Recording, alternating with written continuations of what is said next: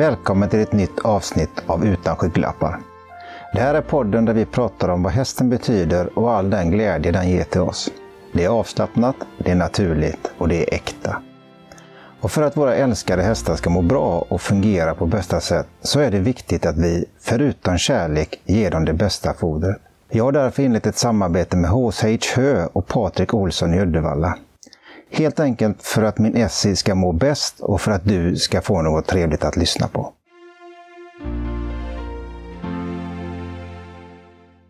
Idag har jag begett mig ner till Skåne och jag befinner mig strax utanför Veberöd. Och vid min sida här sitter Nathalie Örtlund. Hej Nathalie! Hej! Eh, du berättade för mig lite tidigare om ett beslut som du fattade för ett år sedan. Vad, vad var det som hände då? Ja, det var väl i, ja, precis ett år sedan ungefär i eh, slutet på september, början på oktober. Eh, då hade jag bott i Skåne sedan maj, i början på maj. Så det gått fem månader ungefär. Eh, hästarna gick ingenting. Jag kanske hade för dåligt material, men jag hade också svart mögel i stallet. Eh, och jag kunde inte sova riktigt om nätterna. För att jag tyckte bara att eh, det var inte kul att tävla. Så då bestämde jag mig för att eh, du kan inte ha så odugliga hästar. Du måste göra någonting. Okej. Eh, och då var mitt mål, som jag egentligen satte upp för mig själv då, eh, och det var att jag skulle byta ut alla rent ut sagt odugliga hästar Okej. på eh, ett års tid. Ja. Och jag hade ju typ 11 eller 12 eller 13 häst i stallet. Så att jag menar att byta ut ett helt stall när man är amatörtränare och 24 år på ett år, det är en ganska stor uppgift. Men eh, jag bestämde mig bara och så blev det helt enkelt så. Att jag började och eh, det blev ett eh, inköp i slutet på september var jag ner på auktionen där i Italien. Och skulle väl egentligen köpa en ettåring. Men eh, det slutade med att jag hamnade i Pisa. Eh, typ fyra timmar efter att jag hade landat Okej. i Milano. Och eh, besiktigade en, en häst efter Napoleon Bar. Eh, en starthäst på, på fyra år var han då. Och köpte den. Vilken var det? Sio Salvio. Okej. Eh, han är ju idag konvalescent tyvärr. Ja. Eh, men då köpte jag han i alla fall. Eh, väldigt kapabel häst. Gillade det jag såg eh, och så. Så då blev det att då köpte jag han och sen var jag ner en vända igen i november och eh, fick med mig en hästägare ner. Jag hade, skulle egentligen köpa lillebrorsan till den för att jag skulle ju någonstans ha en ung häst men det blev ju aldrig någon ung häst. Okej. Men jag skulle ju prompt ha det och eh, så satt jag och kollade på syskonskaran till, till den här, eh, det var ett årsförd faktiskt. Eh, och fick se den här Veleno de Amore. Eh, och han ägdes under en ägarsynonym som ingen visste vem det var i Italien och det är ju ganska vanligt där nere. Så började jag dra i alla mina trådar och eh, fick fatt i den här ägaren då. Eh, och det var ju ägaren till eh, Mago de Amore som är pappa till eh, Veleno de Amore som den här hästen heter. Och eh, jag frågade om jag fick köpa den. Ja. Så fick jag till svar varför vill du köpa den? Den är helt galen. Men det var någonting jag såg i hans teknik och hans sätt att vara eh, på, på lopparkivet som jag såg och jag ville ha den. Okej, du får köpa den fick jag till svar. Ja men vad bra tänkte jag, den kan jag ju köpa osedd för den där är ju jättebra och står eh, hos Baroncini som är en av de seriösaste tränarna i Italien så det är väl inga problem, jag behöver inte åka ner och kolla på den. Eh, men du får köpa den på ett villkor, jaha. Okej. Ja, det är att du kommer ner i tre dagar innan start och ser hur hästen är. Okej, tänkte jag. Du måste träffa han i person för han är galen. Så äh, åkte jag och fick med mig min hästägare ner. Ja. Vi var borta i tre dagar. Vi var ute första dagen och veterinärbesiktade han. Eh, och jag är ganska noga när jag veterinärbesiktar hästar. Eh, och besiktar själv, men det gick ju inte med den där. Okej. Det gick ju att böja ett ben och sen hoppade han ju Kalle Anka runt och sprang över skötaren och allting. Så det slutar ju med att, eh, ja ja, den är utan anmärkning va? Ja, jag tror det. Den ska starta så vi ser. Mm, tänkte jag. Ja, men den tar vi. Så andra dagen var det ju lite lugnare. Då laddade han ju upp, fick man ju se. Han gick en hage själv, kunde inte gå med andra hästar. Men jag gillar ändå den där hästen faktiskt. Och det gjorde ju min hästägare på gott och ont. Så att eh, fick vi åka och kolla sen när han startade då, över 2700 meter i Milano på La Maura. Eh, och då vann han ju. Han gick i sista varvet efter 11 och bara krossade dem ju som sista häst. Så sa jag bara, nu har jag valt rätt va? Mm, det var tur fick jag till svar. Så vi, vi köpte han och han kom ner, kom hem till Sverige sen och eh, första tiden jag skulle leda ut honom i hagen så fick jag munkorg för han, han har krossat mina revben och bitit mig i pulsådern och krossat mitt bröstben och jag vet inte allt. Men han har också startat för mig i Sverige och eh, egentligen gett mig det finaste minnet hittills i år när han var fyra lärlingsliten. Så att... Eh, wow! Mm. Så sen har vi ju handlat på lite fina hästar. Det har trillat in någon dansk och köpt den här karotin och eh, så kom det ju två italienska hästar i torsdags tror jag det var. Ja. Eh, ett nyförvärv som, som jag och eh, Christian har köpt och sen eh, en som jag har fått i träning faktiskt av ett par italienska ägare. En jättefin treåring. Ja. Eh, och bägge är efter den här pappan, Mago de Amore. Mango Diamore, samma, samma temperament på de här eller? Eh, Nej, den ena är väl lite mer lågmäld och den andra är ju lika kaxig som Deleno. Men eh, de har väldigt hård och stark karaktär faktiskt. Vi var ju nere och eh, besiktade även de här. Jag gör gärna det, jag åker gärna och hälsar på dem faktiskt. Jag vill gärna se dem hur de är. Jag tycker att lägger man så mycket pengar på hästar eller gentemot dina kunder också så, så måste du ha en helhetsbild. Eh, för man kan, aldrig, man kan liksom aldrig garantera att en häst blir bra men du kan garantera att ditt beslut är bra. Ja, Och precis. det ligger på ens eget bord. Så att då åkte vi iväg, var borta i tre dagar eh, och besiktade de här då. Och eh, jag gillar vad jag såg och jag gillar dem fortfarande. Och eh, de har stark karaktär fast på olika sätt. Och de flesta avkommorna som man har sett, vi kollade ju typ på 20 avkommor efter den här pappan. Både årsföl och blandat och fölston och allt. Eh, alla är ju väldigt unika. Ja. Men eh, jag tror att det är, det är nog lite tack vare Velena som, som jag har blivit så frälst vid den här pappan också. Så det, är, det är nästan lite slump sådär. Spännande. Mm. Men du har, du har en stark förkärlek för Italien och italiensk trav eller? Jag har egentligen en stark kärlek för den italienska hästen. För att jag tycker Ja. att de har så bra material. Deras moderslinje när man läser stamböcker, man har varit nere och, i tre års tid, nästan fyra, och kollat på auktioner och sett så mycket häst. Ja, egentligen nästan hela Italien. Så tycker jag att de har väldigt mycket bättre hästar förhållandevis till statusen på sporten. Om vi, nu, om vi nu pratar första läget, vi går tillbaka liksom. Jag menar, hur, hur hamnade du här? Hur började det för din del med häst och hur kom du in på den biten? riktigt från grunden så var det ju att jag som barn, Ja, eh, jag dansade egentligen faktiskt okej. i 13 års tid. Men sen tyckte jag att det var ganska så tråkigt. Ja, Eh, för att det var så fyrkantigt, man gick till sina träningstider efter skolan. Och ah, det var ju liksom, det började bli tråkigt. Jag är en ganska rastlös människa egentligen. Ja. Jag måste ha någonting att göra och helst hundra saker att göra. Så att, eh, nej. Mina föräldrar försökte få mig att simma och köra go-kart och spela lagsporter och det gick ju inte för jag hade sån egen vilja. Så det spelar ju ingen roll. Ville jag inte så ville jag inte. Och det gick inte att säga till mig heller.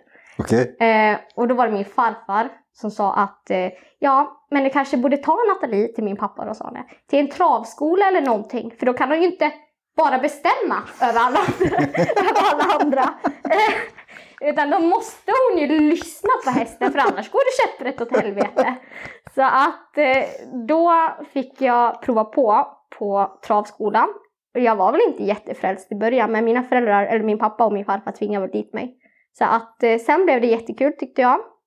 Så jag tog ponnylicens eh, och eh, började Hur, hur gammal var du här nu då ungefär? Eh, 10-11 tror jag var. Okej. Ja. Eh, och jag dansade ju lite samtidigt. Men sen tyckte jag att det var roligare med ponnytravet. Eh, och började ju tävla där och eh, körde ganska mycket sulkelopp till en början. Men sen var jag så liten. Jag är ju typ idag 1,56 hög Ja. och väger 43 kilo. Och då var jag ganska liten när jag var yngre. Så då fick jag börja rida ponnymonté. Och eh, red jätte, jättemycket. Jag tror jag ridit 12 monté. Eh, och har älskat monté överlag faktiskt. Så att eh, fått rida, ridit fina ponnysar. Fantom som har vunnit Elitloppet och Predor och Superbusen och jättefina ponnysar egentligen. Så att då blev det kul. Jag hade lite egna ponnysar i träning också. Har vunnit Svampen också, faktiskt med egentränat. Okej. Och eh, körde även det sulkeloppet också.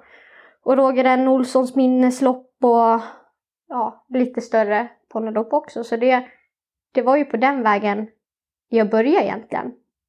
Sen eh, tog jag monterlicens eh, för stor häst eh, och red mycket kallblod i de där licensloppen. Kallblod gillar jag ju inte alls idag. Asså? Nej, det gör jag inte. Eh, jag hade ju, jag träffade ju, alltså när jag höll på och körde ponnytrav så träffade jag ju en kille som hette Jonathan Gustafsson. Eh, och han har ju vunnit mycket inom ponnytrav och vi blev väldigt bra kompisar så jag sprang ju hemma hos han typ varje dag egentligen och han hade en eh, låtsaspappa som heter Roger Borg eh, och är gammal eh, proffstränare och eh, där är jag väl egentligen uppvuxen från det att jag var 12-13. Okej. Eh, har ju sprungit runt där på gården och kört storhästar och ponnysar och vi har haft jätte, jättekul. Eh, åkt runt i hela Sverige på ponnytrav. Så att jag har ju dem att tacka för väldigt mycket också. Att de egentligen har sett till att jag gått över till storhäst. Eh, och tog ju monterlicensen som jag sa. Red lite storhästlopp. Eh, men sen började jag ju, köpte jag en storhäst i Örebro. Så blev det några fler storhästar och några fler. Så tränade man dem och gjorde sig av med den sista ponnyn. Eh, och sen har jag tränat och ridit storhäst och sen räckte inte tiden till för att jag älskar ju att ha hundra bollar i luften. Och så småningom så gick man på gymnasiet så skulle man först slås ut i arbetslivet och börja jobba också. Och då, då blev det så att då la jag montén på hyllan egentligen och började träna. Och eh, det är väl det jag vill göra nu. Träna häst. Men du, du hade en, en del framgångar på monterbiten innan, innan vi släpper den. Du berättade, du berättade förut om du var i Eskilstuna och tävlade. Ja, just det. Ja, jag var i Eskilstuna på dubbeltrav. Eh, när jag var yngre så kördes det mycket dubbeltrav och då tävlar man på fredagen. Så övernattar man till söndagen och tävlar på söndagen och på lördagen så umgicks man. Ja. Eh, och jag och en tjejkompis hade väl med oss två ponnysar. Så hennes pappa lämnade oss. Nej, jag tror vi hade mer. Nej, vi, nej, vi hade sex ponnysar med oss upp, så var det ja. Eh, och eh, hennes pappa lämnade oss och min pappa skulle hämta oss. Och vi gjorde sex starter tror jag, eller om det var åtta starter, det tog fem segrar i både sulke och monté blandat. Ja. Och eh, på den tiden så fick man presentkort eh, i montéloppen i alla fall. Ja. Och eh, så skulle min pappa hämta oss och han körde ju med övervikt som vanligt när Ja. vi var på ponnytrav. För att det var ju fler än en liten ponny i transporten ibland, eller hästbussen. Och eh, massa grejer och sådär och han var inte alltid jätteglad för det här. Men vi vann ju i alla fall och vi vann presentkort på OKQ8. Och det tyckte han var jättebra när vi skulle tanka på vägen hem. Och en annan var skitförbannad som hade slitit en hel helg och var först över mål för att få de där presentkorten. Då var man ju lagom glad liksom. Mm. Men han tyckte det var jättebra Ja, precis. tyckte han, såklart. Och eh, ja, den resan hem, då var man arg i 25 minuter kommer jag ihåg. Riktigt sur alltså hur de kunde hitta på så dumma priser. Men eh, ja, man fick några rosa borstar och någonting också så man hade ju någonting att falla tillbaka på i alla fall. Men det var... Det Men det var... kan vara bra att ge pappan någon morot också som kört lite grann för dig. Ja, fast eh, det behövde inte vara mina första pris kanske. Tyckte jag då. Men nej, det var, jätte, det var jättekul tid Ja. faktiskt. Jag har tävlat ja, från, från Tomelilla uppåt till Boden liksom. Och rest eh, hela Sverige runt så att Du har varit uppe i Boden också och tävlat. Ja, eller kanske inte på ponny, men jag rider Norrbottens stora montépris en gång vet jag. Okej, på storhäst. Mm, har jag gjort. Ja. aldrig vunnit monterlopp i Sverige på stora häst. Jag har vunnit i Norge under eh, Forus V75 dag. Vann jag där till 78 gånger pengarna på en stekhet Lauvio-häst. Och det enda de sa till mig att du får, inte, du får inte driva på honom i sista sväng för då stannar han. och han var ju svinhet kommer jag ihåg. Alltså jag kommer ihåg, ja, när jag värmde den där hästen så hade jag så ont i armarna jag tänkte hur ska det gå? Men eh, det gick jättebra, han vann faktiskt. Jag satt still genom svängen och då blev han morsk på något sätt. Okej. Så det var jättekul att få vinna lopp där faktiskt. Du bodde i Borlänge när du växte upp. Mm. Och du började karriären i Borlänge. Ja, det gjorde jag. Jag hade en, hyrde en gård eh, av en gammal tant faktiskt, eh, precis jämte slingan eh, på, på Rommetravet faktiskt. Eh, och hade mina stora hästar där. Eh, och eh, tränade på Rommes anläggning. Och lite så. Och jag höll på både med storhäst och ponnysar samtidigt Mm. ett tag där. Så att eh, jag hade turen att träffa på på Örebrotravet faktiskt. Jag var där och red något lopp och så kom det en gammal gubbe som sa att du ser så lätt ut, kan du inte rida in mina hästar? Han hette Kenneth Elte Nilsson. Och han är väldigt frispråkig. Okej. Och eh, då blev det så, då red jag in hans hästar och red något monterlopp på dem där och eh, pendlade lite Örebro, eh, Borlänge och han lärde mig väldigt mycket med att träna häst faktiskt. Eh, jag kände ändå att jag behövde det stödet när man gick över från ponny Ja. till storhäst för det skiljer sig så, så himla mycket. Ja. Och eh, fick jättebra stöd av han och sådär. Och hade väl ett lätt samarbete med honom. Och det gillade ju inte Dalatravet riktigt. Okej. Eh, så det var ju diverse dispyter där och eh, de eh, tog ju min licens där. Och det blev ju ett stort mediadrev och eh, Lina Andersson hjälpte ju mig otroligt mycket där och jag... Var, va- varför tog de licensen? för att jag hade skadat travsportens anseende egentligen och det var väl inte riktigt så. De var ute till mig och gjorde en besiktning men de hade en dold agenda eh, egentligen och det, det, det är ju liksom, ja, jag försvarar mig väl egentligen. Jag blev ju sur och åkte in till kontoret och skällde ut sportchefen egentligen.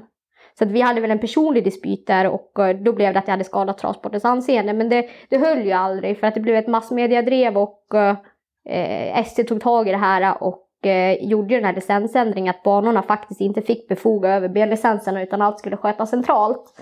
Eh, just för att det inte skulle kunna vara i, interna eh, grejer som ligger bakom. Och eh, vi vann ju det här eh, caset, jag och Linn egentligen ska man säga, till slut.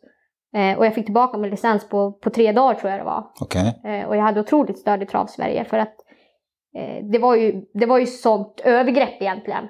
Eh, så att eh, det var en jobbig tid. Kan jag tänka mig. Eh, var det, jag blev, det slutade ju med att hon, hon var ju gammal som hade gården så jag blev av med gården där. Hon ville inte ställa sig på någon sida i och med att hon hade mark emellan. Så ville hon ju varken bli osams med travet eller mig. Så hon stängde igen hela gården och den skulle stå tom tills hon dog. Och det gjorde den också. Hon dog väl i fjol om jag inte missminner mig och eh, då såldes gården men den har stått tom sedan jag flyttade ut så hon höll sitt ord. Okej, det var bra. Ja, det var väldigt starkt egentligen. Eh, så att jag fick leta mig ut och hitta en ny gård lite längre bort. Och det var ju bara det att den hade inte varit använd på flera år. Och eh, jag hade mer hästar än det fanns boxplatser Så att nära och kära fick ju ta ledigt från jobb och rusta upp hagar och bygga lösdrifter och arrendera sommarbeten i hela Borlänge. Och det var hästar högt och lågt och på stutterier och allting. Så jag vet inte, det var, det var riktigt High Chaparral. Men eh, till slut så landade vi ju där och jag, jag var väl då tyckte jag faktiskt att Svensk Transport gjorde en bra grej. Vi, vi, har, vi kritiserar dem ofta men, men de personligen åkte faktiskt ner till mig och det var Agneta Sandberg på hästvälfärdens eh, avdelning och eh, säkerhetschef med Johan Nilsson då och eh, de kom ner till mig faktiskt och vi hade ett jättebra möte och allting och då måste jag ändå säga att vi har ett förbund Ja. som ändå står oss i ryggen. De får ta mycket skit men för mig så sattes det ju på prov där och då fanns de ändå där. Så att eh, ja, jag körde på där en stund. Eh, men ah, jag jobbar på Echo, jag jobbar även som personlig assistent och jag, hade, jag jobbar med event. Så att, ja, och så hade jag fått upp det här intresset lite också egentligen för Italien och, och Frankrike. Jag hade varit eh, en av mina bästa killkompisar började ju som bolligelsagent agent och är ju numera eh, French Trotting som även har hingster på han. Eh, han visade mig i Frankrike.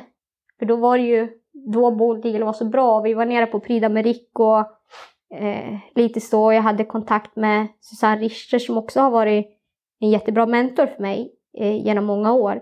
Och vi ja, var i Frankrike. Då började man längta ut liksom. Så tänkte man så här, vad gör jag här egentligen? Ska jag kämpa i motvind hela tiden? Och man var 20 bast, eller jag tror jag var 21 då liksom. Hade väl ålderskris eller något också. Så tänkte jag, ah, jag är så orädd, jag gör någonting galet nu. För man blev lite morsk egentligen på det här som hände också. Man, det var en jobbig tid men man blev också väldigt stark. Eh, bara under en sån kort period. Så att eh, då tog jag mina hästar och flyttade ner till Skara. Sk- Bara så? Ja, utan körkort också. Okej. och mina föräldrar, Så pappa fick rycka ut igen då och köra? nej jag, så, nej, nej, jag sa ingenting till mina föräldrar. Va? Nej, eh, jag, nej jag, gjorde, jag var så hemskt, eh, hemskt barn då faktiskt. Men eh, jag är ju så att jag gör ju lite som jag vill och jag är ju väldigt orädd och det är kanske inte alltid till min fördel men ibland är det det också. Så jag eh, hade packat alla mina grejer, jag och en tjejkompis. Ehm, och eh, hade arrangerat med kompisar och kusiner och faster. Hon brukar vara jättebra, hon ställer allt upp utan att tjalla för föräldrarna. Okej. Så att vi, vi körde väl eh, ner de där hästarna. Eh, och det märkte inte mina föräldrar så mycket för att de bodde inte ute vid stallet och inga hästmänniskor. Nej. Men dagen innan jag skulle flytta ner själv så sa jag till min mamma att jag kommer flytta nu. Jaha, men vad kul!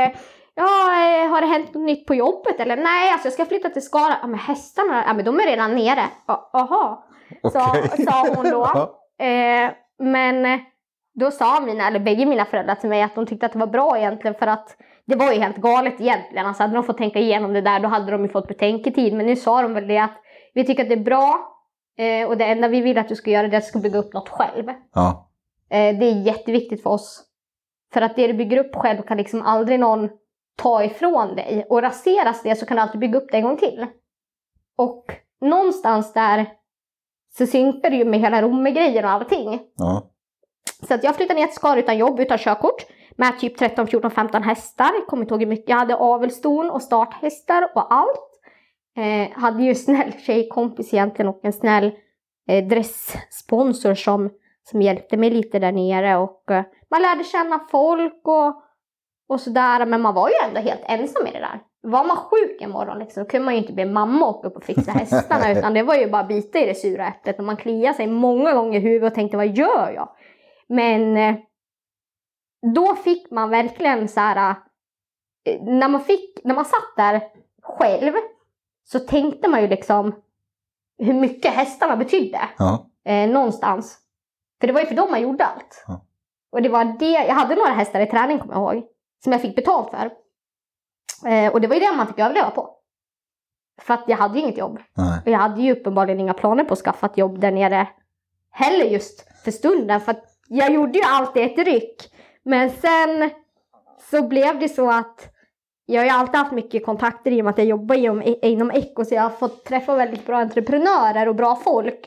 Så att jag började jobba lite med event och sådana där grejer och gjorde projekt åt företag egentligen. Var egentligen en idéspruta bara och konsulta som det.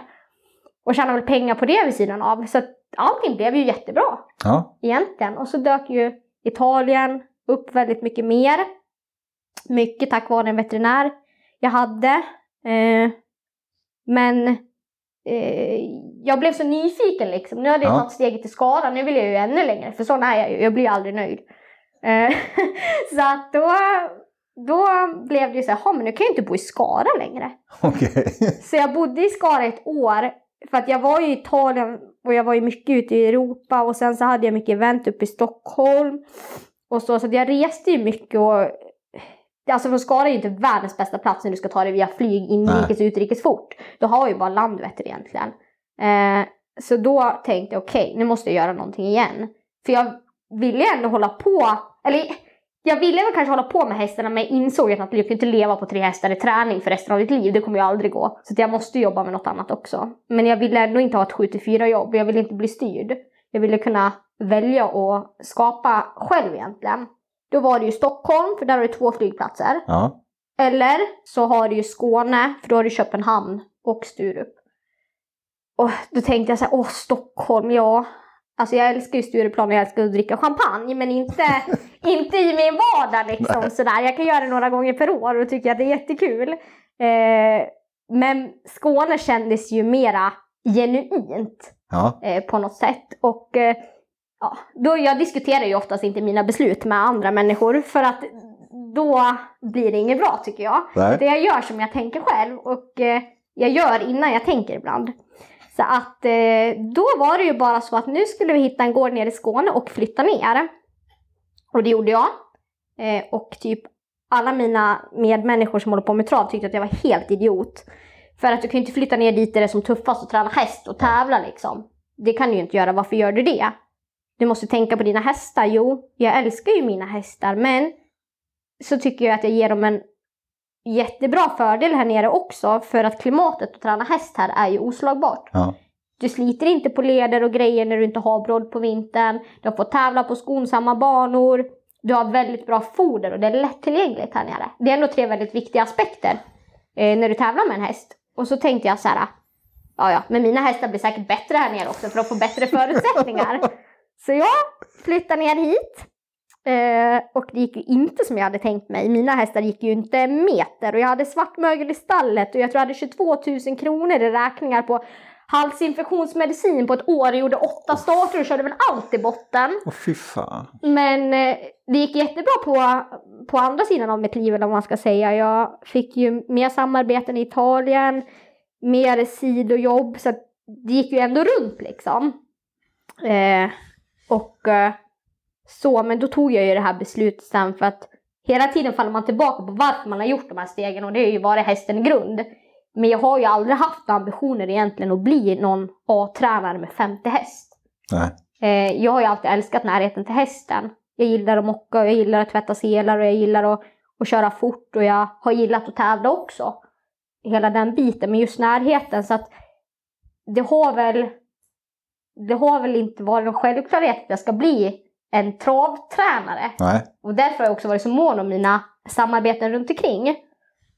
Men nu är jag ju 25 och då börjar man ju bli lite vuxen va? Men nu känner jag väl att nu förstår man eh, hur de här bitarna synkar. Jag är glad att jag har gjort de valen som jag har gjort.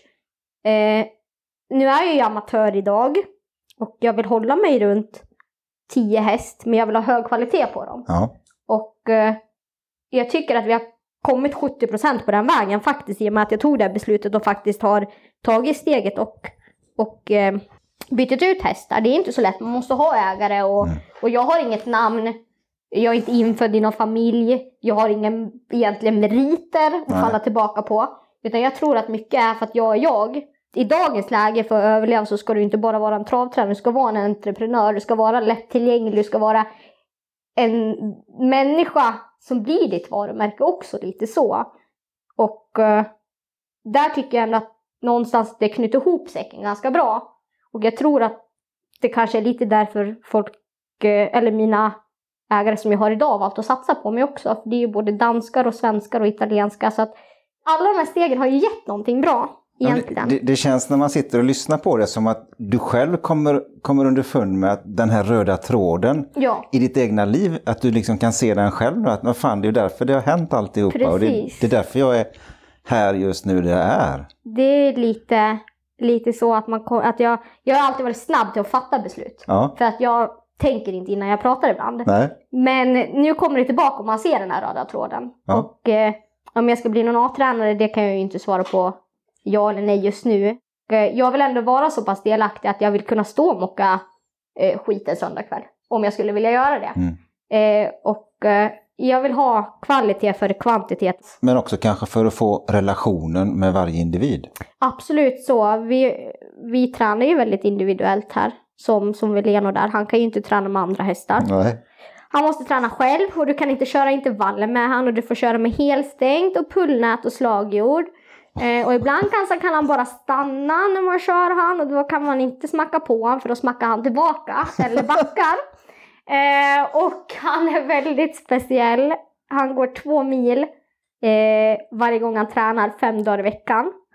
Men det har också funkat väldigt bra. Eh, men han kan inte träna själv, så man får ju, eller eh, träna i lag, så man får ju börja med att träna han först eller sist.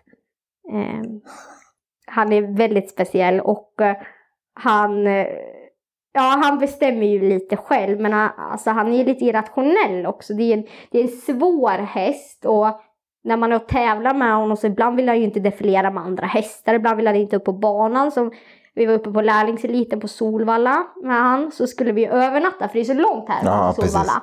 Och så hade jag en italiensk tränare som hade filial hemma hos mig och eh, tillsammans hade vi, måste tänka, fem starthästar under Elitloppshelgen. Jag hade två, han hade tre. Och jag fick ju åka upp tidigare för att jag hade en starthäst på fredag så jag tog med en av hans hästar också så jag åkte upp med tre och övernattade och åkte torsdag kväll. Eh, tror jag. Och Veleno skulle starta på söndagen och jag tänkte ju hur ska det här gå med nytt ställe och allting. Och, men han skötte sig jätte, jättebra faktiskt och var väldigt lugn och sådär. Men eh, så hade vi värmt han och så och så skulle han ut i defileringsvolten. Det ville han ju inte. Så jag fick ju skämmas och springa ut där på banan och leda ner han tvärs över planen där och defilera ju bortom alla andra hästar. Men det är precis som att när starten går, då sköter han sig. Då vet han. Ja, men han gillar inte det här med att vi ska snurra runt på defileringsvolter och det ska vändas på banan och nej. Det gillar han inte. Nej. Och så hamnar vi ju på dopingen efteråt också, det var ju ännu värre. För det gillar han inte. Då skulle de ta fem rör blod och eh, eh, det, eller sån där hårtest, DNA-test, eh, dopingtest. Ja. Eh, och då hade de ju en sån klippmaskin och skulle ju klippa honom. Och jag tänkte att det säkert går för att han var ju klippt i öronen när jag fick honom. Ja. Men det gick ju inte. Vi var ju sju personer tror jag väl på tre timmar eller någonting med den där och han var så nära. För det var chefsveterinären från ST som fick göra det här. Och han var så nära på att få startförbud. För Asså. att det inte gick att hantera han.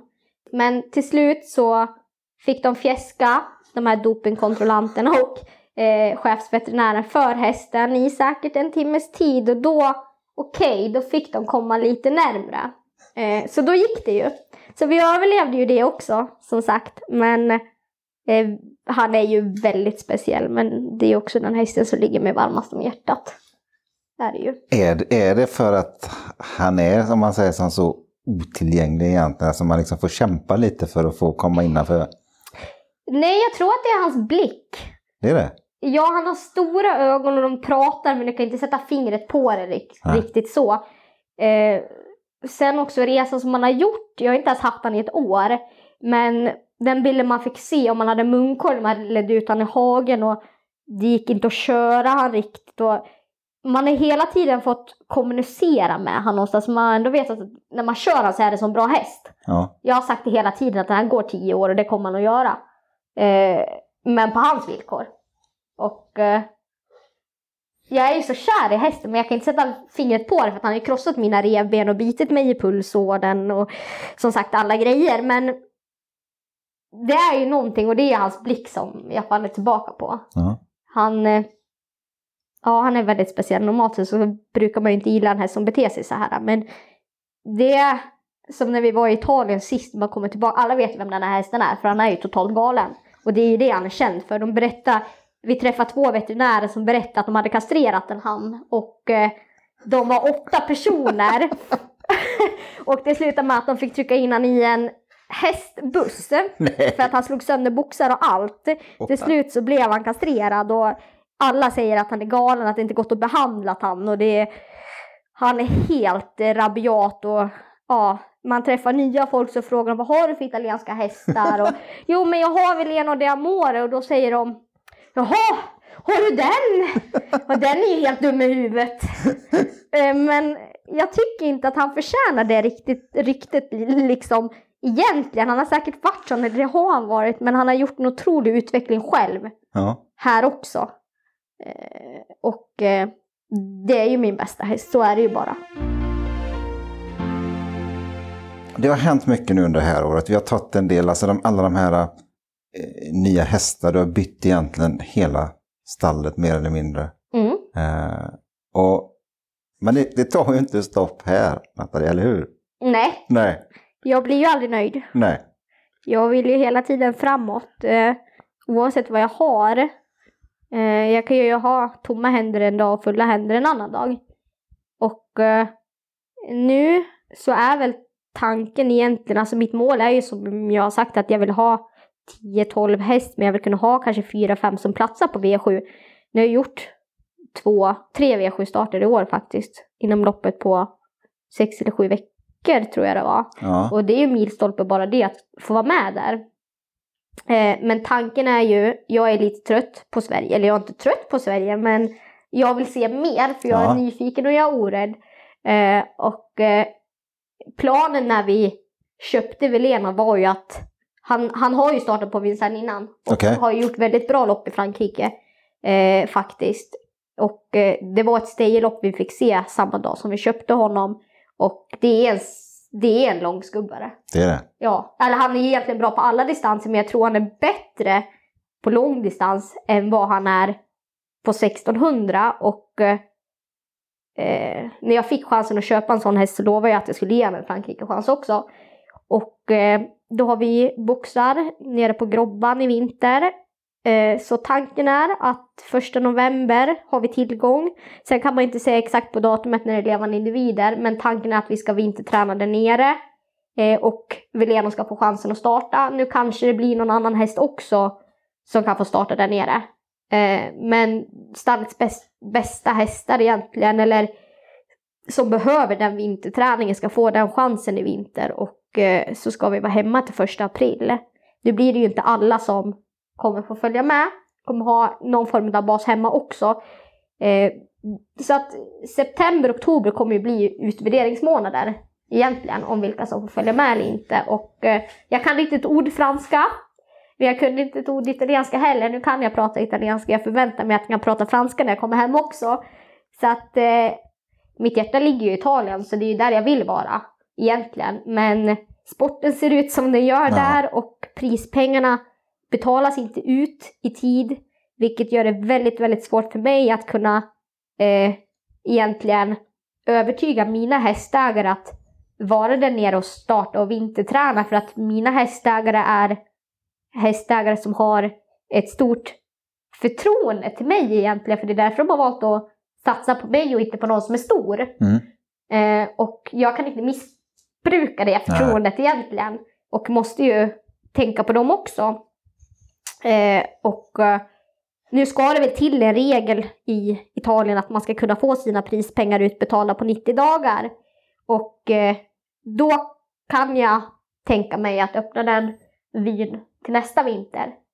Jag tror att det här, det här är väl nästan till vad varenda människa i Sverige drömmer om mer eller mindre. Att, att kunna bo här på sommaren och sen så åker man till ett varmare land på Ja, vintern och så bor man där för att få, för att få värmen återigen. Alltså det är ju, det är ju drömmen, men man får jobba hårt för det också. ja.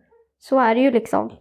Jag får ju ha lite sidoprojekt och sådär så att man har eh, en trygghet där också.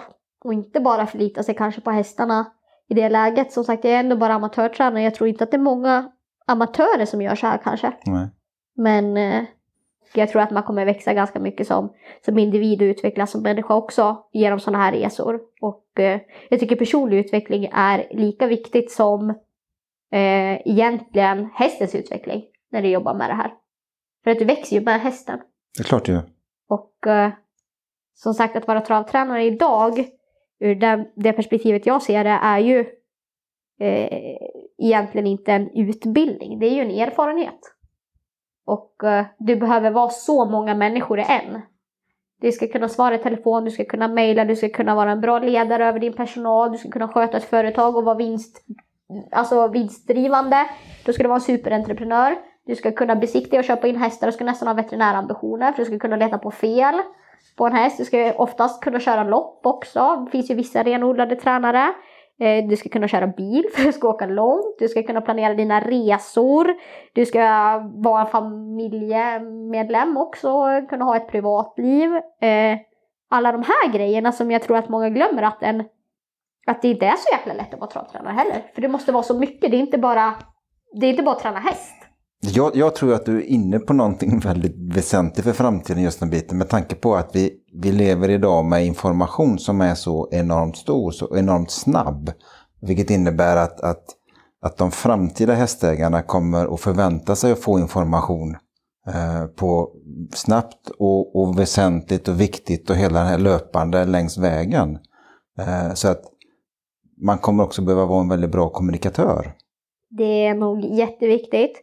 Det har jag fått smaka på ibland. Okej. När jag har hundra grejer att göra så kan jag eh, vara typ helt nerringd en dag när jag har som, som mest att göra.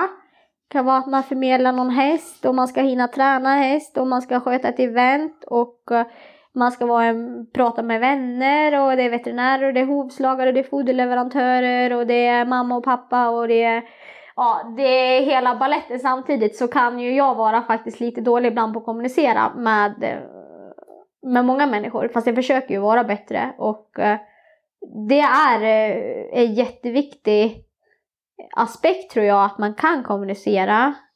Och jag brukar ju alltid säga så här, men ring mig om jag inte svarar. Ja, men problemet är att jag säger det till alla. För det är upptaget i min telefon hela tiden och då blir ju folk lite sura för det va. Men jag tror att vi blir mer och mer entreprenörer även om vi har med hästar att göra och ska ut på en världsmarknad. Det spelar ingen roll om du säljer skor, ketchup eller handväskor eller du driver en plastikklinik eller du är travtränare. Du måste ju se till kundens behov för, och, och dennes efterfrågan egentligen mm. och leverera en produkt som så många människor som möjligt vill ha för det är då det växer. Eh, och eh, det fick jag lära mig när jag jobbade på Echo att eh, jag hade en chef som hette Jenny Borg där och hon var faktiskt dotter till Roger Borg som jag, okay. som jag började hos. Eh, och hon är en jättebra ledare på alla sätt. Hon verkligen komplett. Hade hon kunnat träna häst så hade hon slagit många på fingrarna kan jag säga dig. För hon var sån entreprenör fast hon faktiskt var butikschef. Och hon, eh, hon sa det att du ska tänka en sak om alla som kommer in i den här butiken. Okej okay, tänkte jag, alltså ekoskor är ganska dyrt. Ja. Kostar ju nästan 2000 spänn liksom. Hon bara, alla som går in i den här butiken har en baktanke, sa hon. Jaha, tänkte jag, har de? Så hon, ja, du ska tänka som alla och du ska bara hitta på du ska sätta fingret på, på baktanken hos alla, för man går inte in i en butik utan att man i sitt undermedvetna eh, har en baktanke om någonting. Och då fick ju hon en att verkligen försöka få ut allting av din kund. Alltså du fick ju liksom, det är en person du ser i två minuter, du ska kunna rannsaka den, du ska kunna bedöma vad den vill ha, vad den har för skostorlek. Alltså allting sånt för att du, ditt mål är ju att det ska bli ett köp. Och så är det ju när du tränar häst också, du vill ha en ny kund för du vill ha en ny häst. Eh, och jag tror att man har tagit med sig det där ganska mycket. Oavsett bransch så gäller det ju att leverera rätt produkt till rätt sorts kund och rätt målgrupp. Det är då det gör en vinst. Mm. Eh, helt enkelt. Och eh, där behöver vi i Travsverige bli lite bättre. Och vi kommer att behöva bli det ja. för, för att utveckla den här delen. Så alltså kommer vi behöva, tror jag, att, att göra det mer som till en, en, en upplevelseverksamhet med, med mer kringverksamhet runt alltihopa. Med att, att våra kunder, hästägarna, får, får vara med och vara mer delaktiga i det hela. Mm, precis, alltså jag är ju som sagt amatörtränare vilket innebär att man äger mycket häst själv också. Och jag äger väl två helt själv, men sen äger jag ju procent i alla andra hästar också. Och då försöker jag tänka på att jag inte tränar hästen, utan jag också är en ägare i de hästarna. Mm. Vad jag för ägarintressen. Eh, så jag, det första jag gjorde faktiskt, det är väldigt generöst, det var att slopa mina tränarprovisioner på de hästarna. det, det gjorde jag faktiskt för att det ska vara, där är jag en ägare även om jag ja. tränar hästen. Och jag måste tänka på vad mina kompisar som äger mig, vad vill de ha ut av det här? Jag är i samma position som dem, varför är det roligt? Nu ger ju hästarna mig en bortskämd närhet varje dag för att jag gör det här. Men jag vill ju att hästen ska prestera bra. Jag vill ju att det ska vara kul att åka på trav. Jag vill kunna äta med mina kompisar som äger med mig. Jag vill att vi ska kunna göra något kul. Och där kommer du in på det här med upplevelser. Precis. Eh, för det, det är dyrt att ha häst. Och det måste ge någonting. Och, och folk är ju beredda att betala i dagens samhälle om det ger någonting. Och jag tror att människan är mer beredd att betala för en upplevelse än för en materiell engångssak. För att kollar du på svensken i sig så lägger de ju sjuka pengar på att åka till Mallorca. Eller Thailand. Eller på utlandsresor. Och det är ju inte för att de ska ha med sig billabongtröjor därifrån. Utan det, det är ju för att de ska få, få vad heter det, en upplevelse. Ja. Alltså som, som de inte kommer eh, glömma, som de kan berätta för deras barn och barnen får uppleva och berättar i skolan. Vi måste kunna någonstans komma ut på den marknaden också och bli vassare. Gör vi det så tror jag att vi kommer få en väldigt stor hästägarrekrytering också. Du Nathalie, det har varit en mycket trevlig upplevelse att få sitta här och prata med dig en stund eh, och diskutera ditt liv med hästarna och, och människorna och hästägarna runt omkring alltihopa. Eh, jag är jättetacksam för att jag har fått komma hit. Eh, och Ja, jag tackar dig egentligen för att jag fick komma hit. Ja, men tack själv för att du ville dyka upp och för att du ville ha med mig. Jag tycker det var jättekul. Mm. Då säger vi så. Ja, tusen tack! Vi tackar dig för att du har lyssnat på Utan skygglappar. Det här avsnittet presenterades av H.C. Hö och Patrik Olsson i Uddevalla. Vi hoppas självklart att du gillar det du har hört och att du följer oss i din spelare samt delar det vidare till dina vänner. Tack så mycket!